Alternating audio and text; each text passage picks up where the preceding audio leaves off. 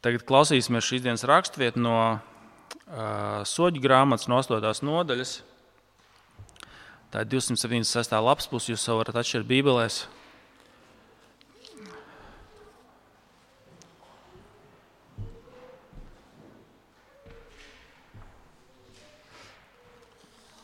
Soļi 8, 276. lapas pusi.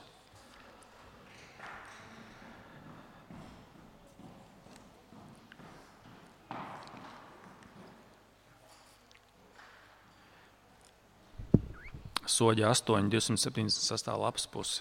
Jums ir solos Bībeles, droši varat viņus paņemt, sakot līdzi tekstam. Klausīsimies, ko Svētais Gars šodien saka draudzēji.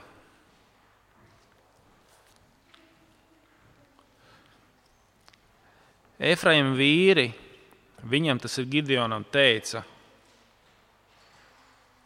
kāpēc tu mums tā esi darījis, ka nesauc mūs, kad devāmies cīnīties ar Midiānu? Tā tie viņam skarbi pārmeta, bet viņš tiem sacīja, ko gan es būtu veicis tādu kā jūs, vai tad Efraima ievākums nav labāks par abīzēra ražu? Jūsu rokās Dievs ir nodevis Midiānu vadoņus, Orēbu un Zēvu. Ko gan es būtu spējis paveikt tādu, kā jūs?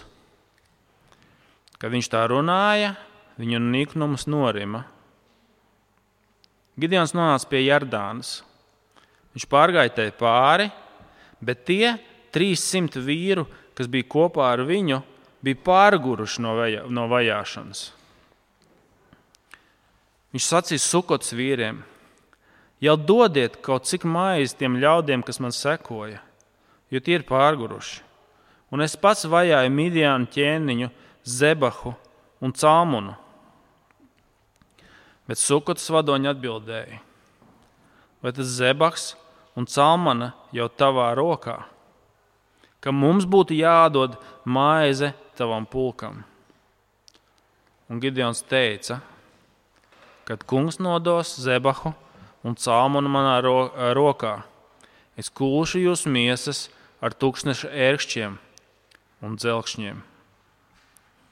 No turienes viņš devās augšup uz panēlu un runāja ar tiem to pašu. Un panēls vīri viņam atbildēja tāpat, kā bija atbildējuši sukotas vīri. Tad no panēls vīriem viņš sacīja, kad es atgriezīšos ar uzvaru, es nogāzīšu šo torni. Zabaks un Cālmuna bija Kakorā, un kopā ar tiem viņu karaspēks - ap 50 tūkstošu vīru, visi, kas bija atlikuši no austrumnieku dēla karaspēka, jo 120 tūkstošu vīru zobenu nesēji bija krituši. Gideons devās augšu pa telšu iemītnieku ceļu austrumos no Nabahas un Jakhobas. Viņš sakāva to karaspēku, jo karaspēks jutās drošībā. Zebaks un Celmuna metās bēgt, un viņš tos vajāja. Viņš saņēma gūstā abus midiāņu ķēniņus, Zabahu un Celmunu, un iedzina šausmas visā karaspēkā. Gideons, Joāša dēls, atgriezās no kara, iedams gar Heras nogāzi. Viņš notvēra kādu puisi no sukotiešiem un iz, uh, izjautāja to. Un tie viņam uzrakstīja sukatas vadoņu vecajus, 77 vīrus.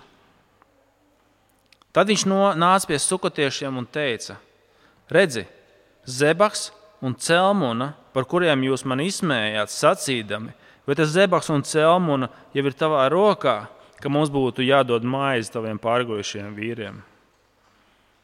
Viņš saņēma pilsētas vecais un ņēma tūkstoša ērkšķus un dzelkšņus un liktos matīt sukata vīriem. Viņš nogāza Panoēlas torni un nokāva pilsētas vīrus. Tad viņš vaicāja Zeboham un Celmonam, kādi bija tie vīri, kurus jūs nokāvāt taborā. Tie sacīja, tie visi bija tādi, kā tu izskatījās, kā ķēniņa dēli. Un viņš teica, tie bija mani brāļi, manas mātes dēli. Dzīves kungs, būtu jūs viņus atstājuši dzīvus, es jūs nenokautu. Viņš teica savam pirmdzimtajam Jeteram: Celies, nokauj tos! Bet jauneklis neizvilka zobenu, jo bija nobijies. Viņš bija vēl zēns. Tad Zebaks un Celmuna teica: Celies pats un uzbruc mums, jo kāds ir vīrs, tāds viņa spēks. Un Gideons cēlās un nokāva Zebahu, Celmunu, un viņš paņēma mēnestiņus, kas bija ap viņa kamieļa kakliem.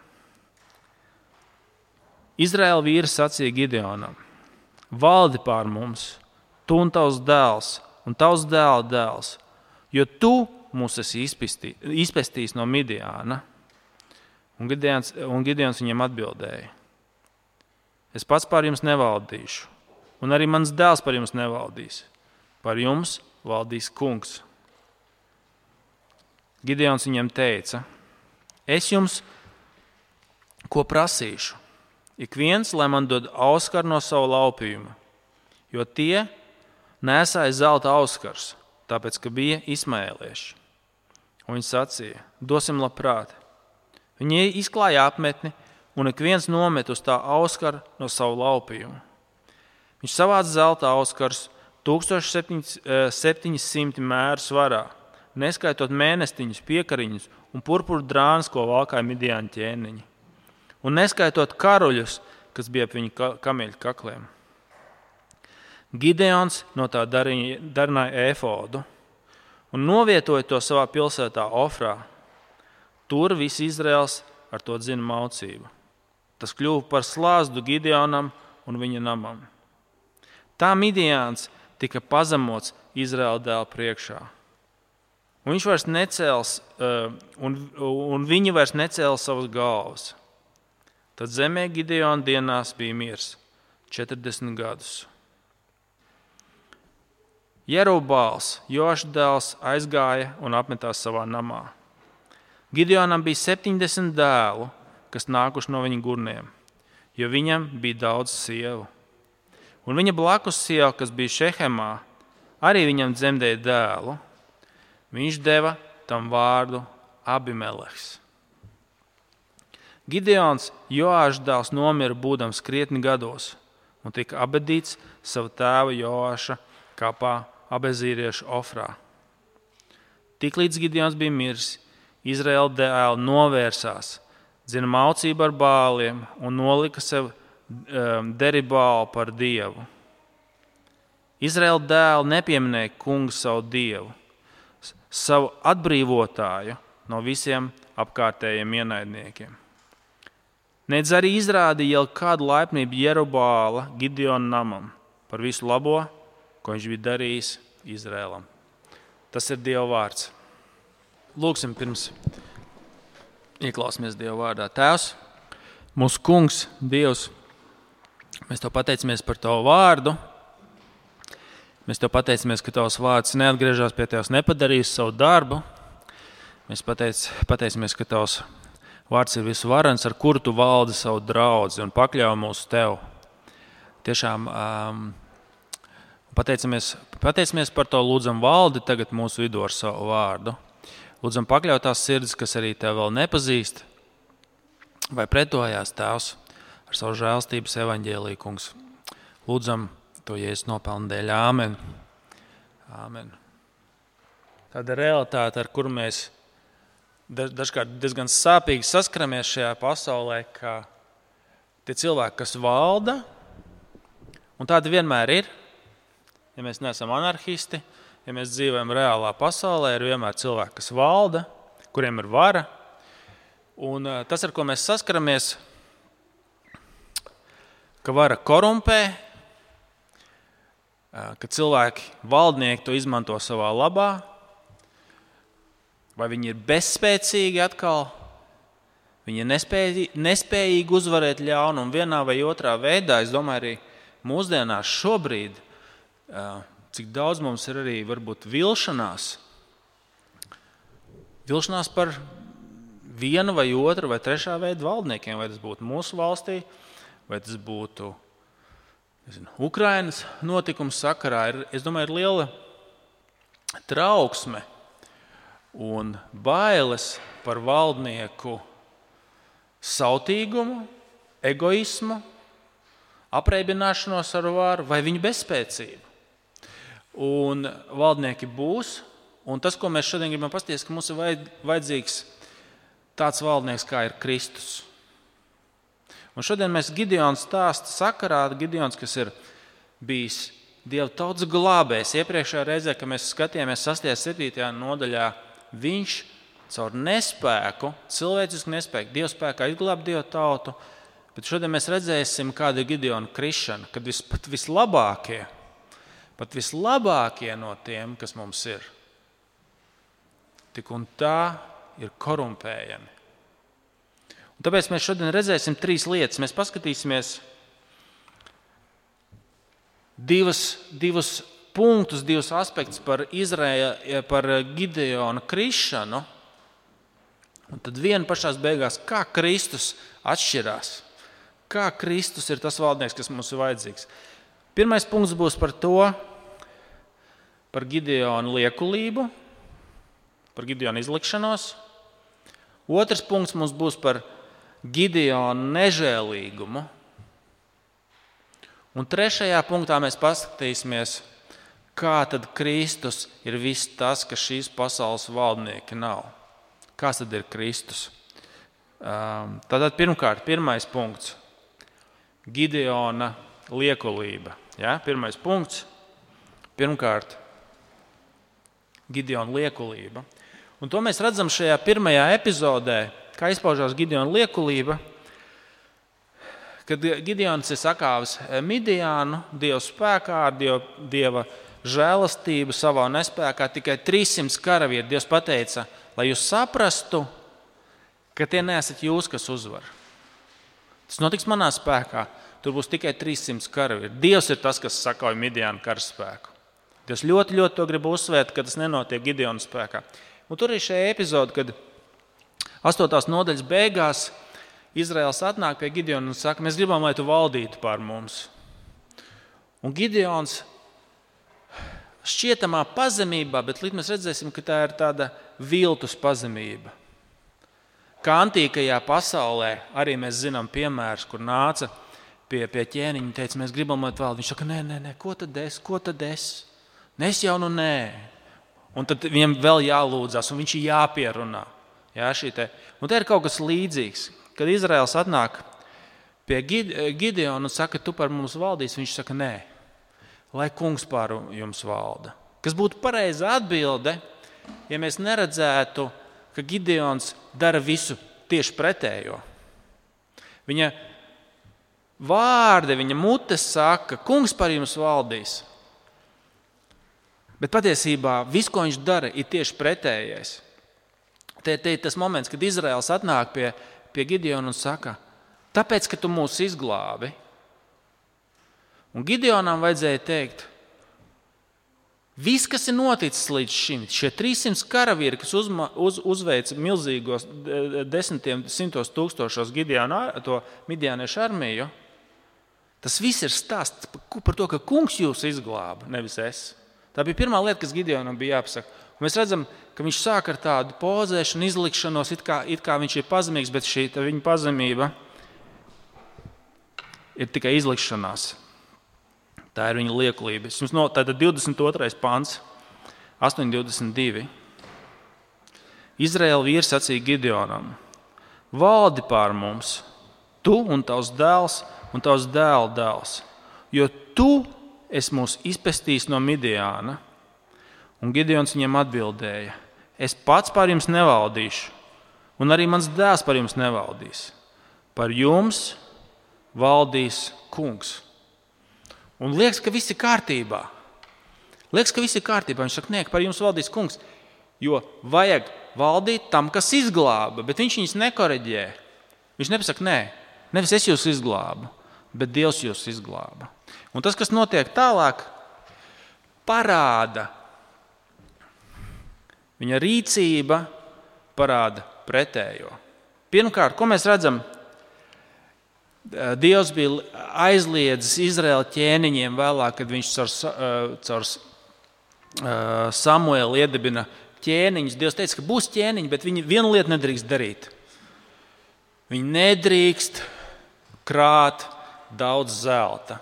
Un tad, kad Gideons mums saka, kad viņa vārda, viņa mute saka, nē, es nevaldīšu, paskatīsimies, kā, kā viņam ir ar zelta krāšanu. Viņš pasaka, es pār jums nevaldīšu, kungs valdīs, bet skatieties, kas notiek nākošais. Kungs teica, ķēniņam nebūs sev krāt daudz zelta. Ko dara Gideons? 24. pāns. Gideons viņiem teica, es jums ko prasīšu. Ik viens, lai man dod auskaru no savu laupījuma, jo tie nes, nesais zelta auskars, tāpēc, ka bija isma, izmēlējuši. Viņi sacīja, dosim labprāt. Viņi izklāja apmetni, un ik viens nomet uz tā auskaru no savu laupījumu. Viņi savāca zelta auskars 1700 mēru svarā, neskaitot mēnestiņus, piekariņus un purpura drāns, ko valkā midiāņu ķēniņi un neskaitot karaļus, kas bija viņu kamieļu kakliem. Kungs bija pavēlējis ķēniņiem nevākt sev zelta. Pirmais, ko Gideons dara, pēc tam, kad viņš teica, es par jums neval, neval, nevaldīšu, viņš pirmkārt saka, do, es nevaldīšu, bet dodiet man zeltu, dodiet man zeltu. Pirmā lieta, pirmā lieta kur, kur Gideons izgāžās. Viņš pieprasa no Izraēlas tautas, tautas bagātību. Otrkārt, Gideons grib kontrolēt. Otrakārt, Gideons, otrais punkts. Otrais punkts. Gideons grib kontrolēt reliģiju. Izraēla tautā, kur bija nodalīts ķēniņš no priesteriem, no praviešiem. Ķēniņš zem sevis grib paņemt reliģiju. Viņiem jau ir šailo, viņiem jau ir priesteris, kas kalpo Izrēlā. Viņš to grib pārcelt savā teritorijā un liek no šī zelta, ko viņš savāc, darināt šo efodu, ko valkāja augstais priesteris. Viņš grib pakļaut reliģiju sev. Tā ir otrā lieta, otrais punkts. Gideona liekulība izpaužas tajā. Pirmkārt, viņš grib savākt zeltu, vai viņš vāc zeltu, otrs, viņš grib pakļaut sev ticību. Skatieties, 20, um, 27. pāns.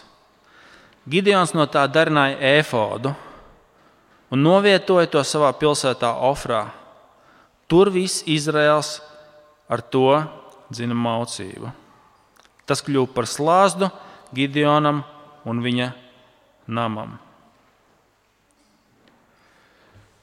Ziniet, kā man, jums nav nekad bijuši tādi gadījumi, kad es esmu dzirdējis vienkārši reāls tādus stāstus, kad divas, divi draugi vai divas draudzenes pretendē uz vienu un to pašu darba vietu. Un, un, un savos vārdos saka, jā, jā, es tevi atbalstīšu, atbalstīšu. Bet viena no viņām dabū, tā otra tik nikna, ka novēršās. Neziniet tādus stāstus ar vārdiem saka vienu, bet ar savu darbību pretēju. Un tie ir kā Gideons. Ja? Viņš savāc zeltu, un otrs viņš liek darināt efodu, ja, ko valkāja šis augstais priesteris, lai reliģija tagad pakļautos viņam. Un kas? Viņš ir pirmais, viņš ir pirmais Izraels soģis, glābējs, kurš savas dzīves laikā novērš Izraelu no kalpošanas kungam. Tā ir otrā lieta. Trešā lieta, ko kungs bija aizliedzis, trešais punkts ko kungs bija aizliedzis Izrēlam, Izraēla ķēniņam, ka viņam būtu daudz sievu. Paskatīsimies, kā Gideonam ar to iet. Kungs bija aizliedzis, ka viņam būtu daudz sievu. Ko dara Gideons? 29. pāns. Jerubāls, Joāšs dēls, aizgāja un apmetās savā namā. Gideonam bija 70 dēlu, kas nākuši no viņa gurniem, jo viņam bija daudz sievu. Gideons runā, ka lai kungs valda. Tas, ko Gideonam vajadzēja teikt, ziniet ko? Ja kungs gribēs, es būšu ķēniņš. Es gribu pakļauties viņa vārdam. Ko saka Dieva vārds? Bet Gideons dara pilnīgi visu pretējo. Ar saviem vārdiem viņš saka, lai kungs valda, bet viņš dara visu pretējo. Viņam ir daudz sievu, viņam ir 70 maza armija, ja, privātā dēla armija. Un paskatieties, kā viņš nosauc savu dēlu. Kaut arī sacīdams, lai kungs valda, paskatieties 31. pantā. Un viņa blakus sieva, kas bija Šehamā, arī viņam dzemdēja dēlu. Viņa deva tam vārdu Abimeleks. Tagad neliela ebreju valodas stunda. Abi, jeb abu, nozīmē dēls ebreju valodā. Zināt, ko nozīmē meleks? Ķēniņš. Gideons saka, nē, nē, es nebūšu valdnieks, lai kungs valda. Bet kā viņš nosauca savu dēlu? Ķēniņa dēls. Ar savu mutu saka vienu, dara pretējo. Viņš dara pretējo. Tā bija pirmā daļa. Pirmkārt, Gideona liekulība, Gideona izlikšanās. Bet arī mēs redzam, vienas dienas laikā Gideons no bailīga, vāja un nespēcīga ir kļuvis nežēlīgs. Paskatieties, šī stāsta sākumā viņš izdara vienu labu lietu. Viņš izdara vienu labu lietu, un pēc tam viss ir kā pa kalnu lejā. Kad pie viņa atnāk Efraīna cilts un saka, kāpēc tu mums, mums nepiedalīji, viņš saka, jūsu uzvara bijusi lielāka. Viņš viņus nomierina, pazemīgi nomierina. Bet tālāk paskatieties, kas notiek.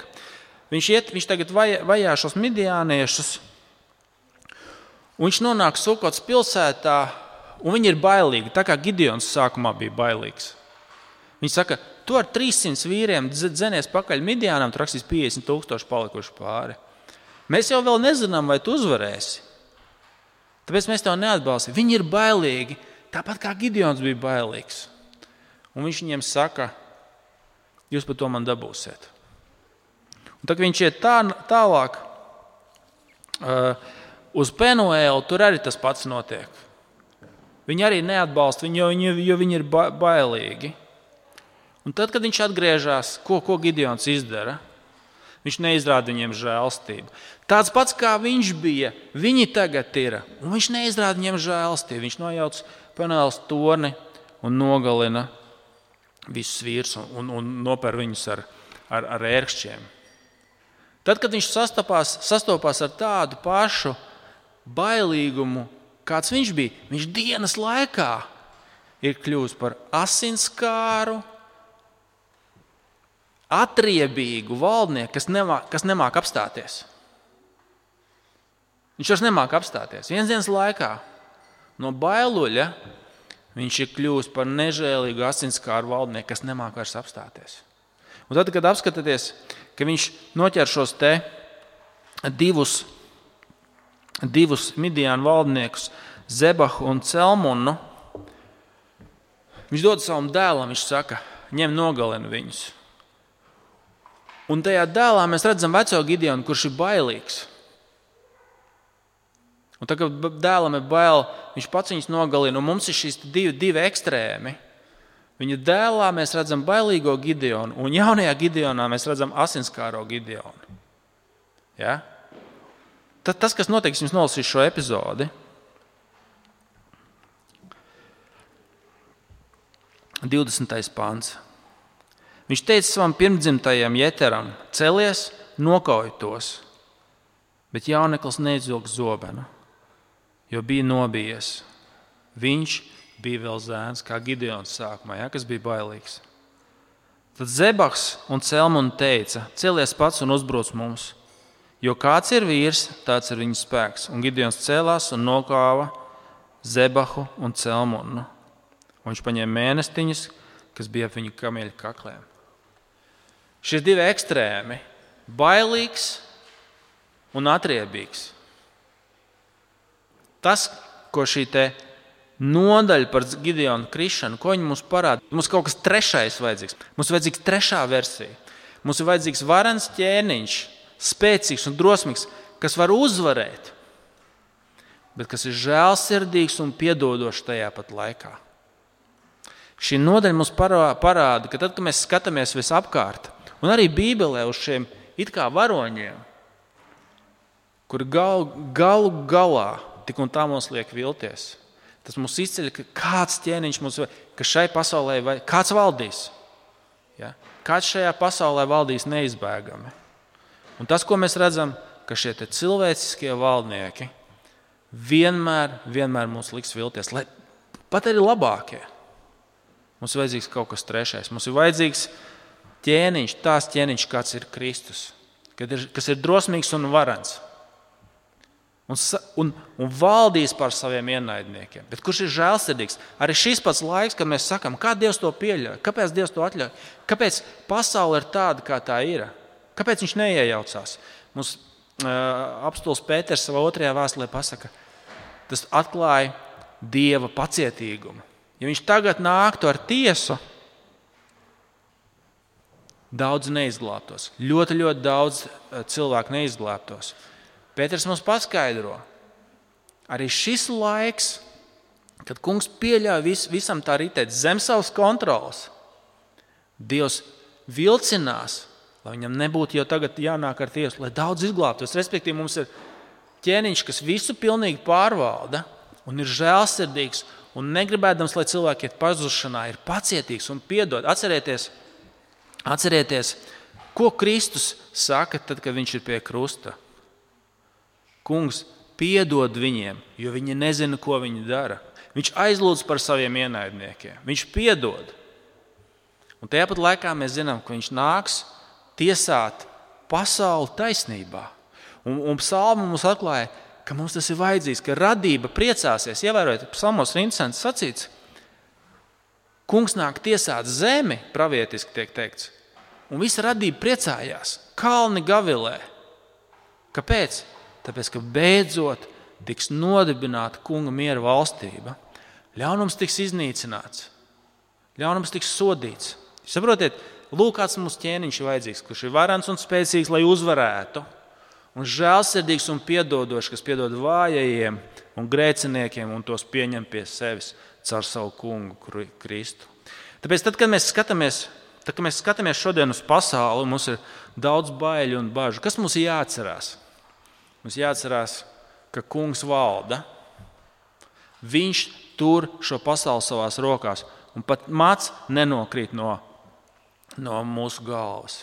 Atcerieties, eh, eh, Bībele saka, ka tā kā, eh, tā kā ūdens ir kunga rokā valdnieka sirds, kur viņš var vadīt, kā viņš grib.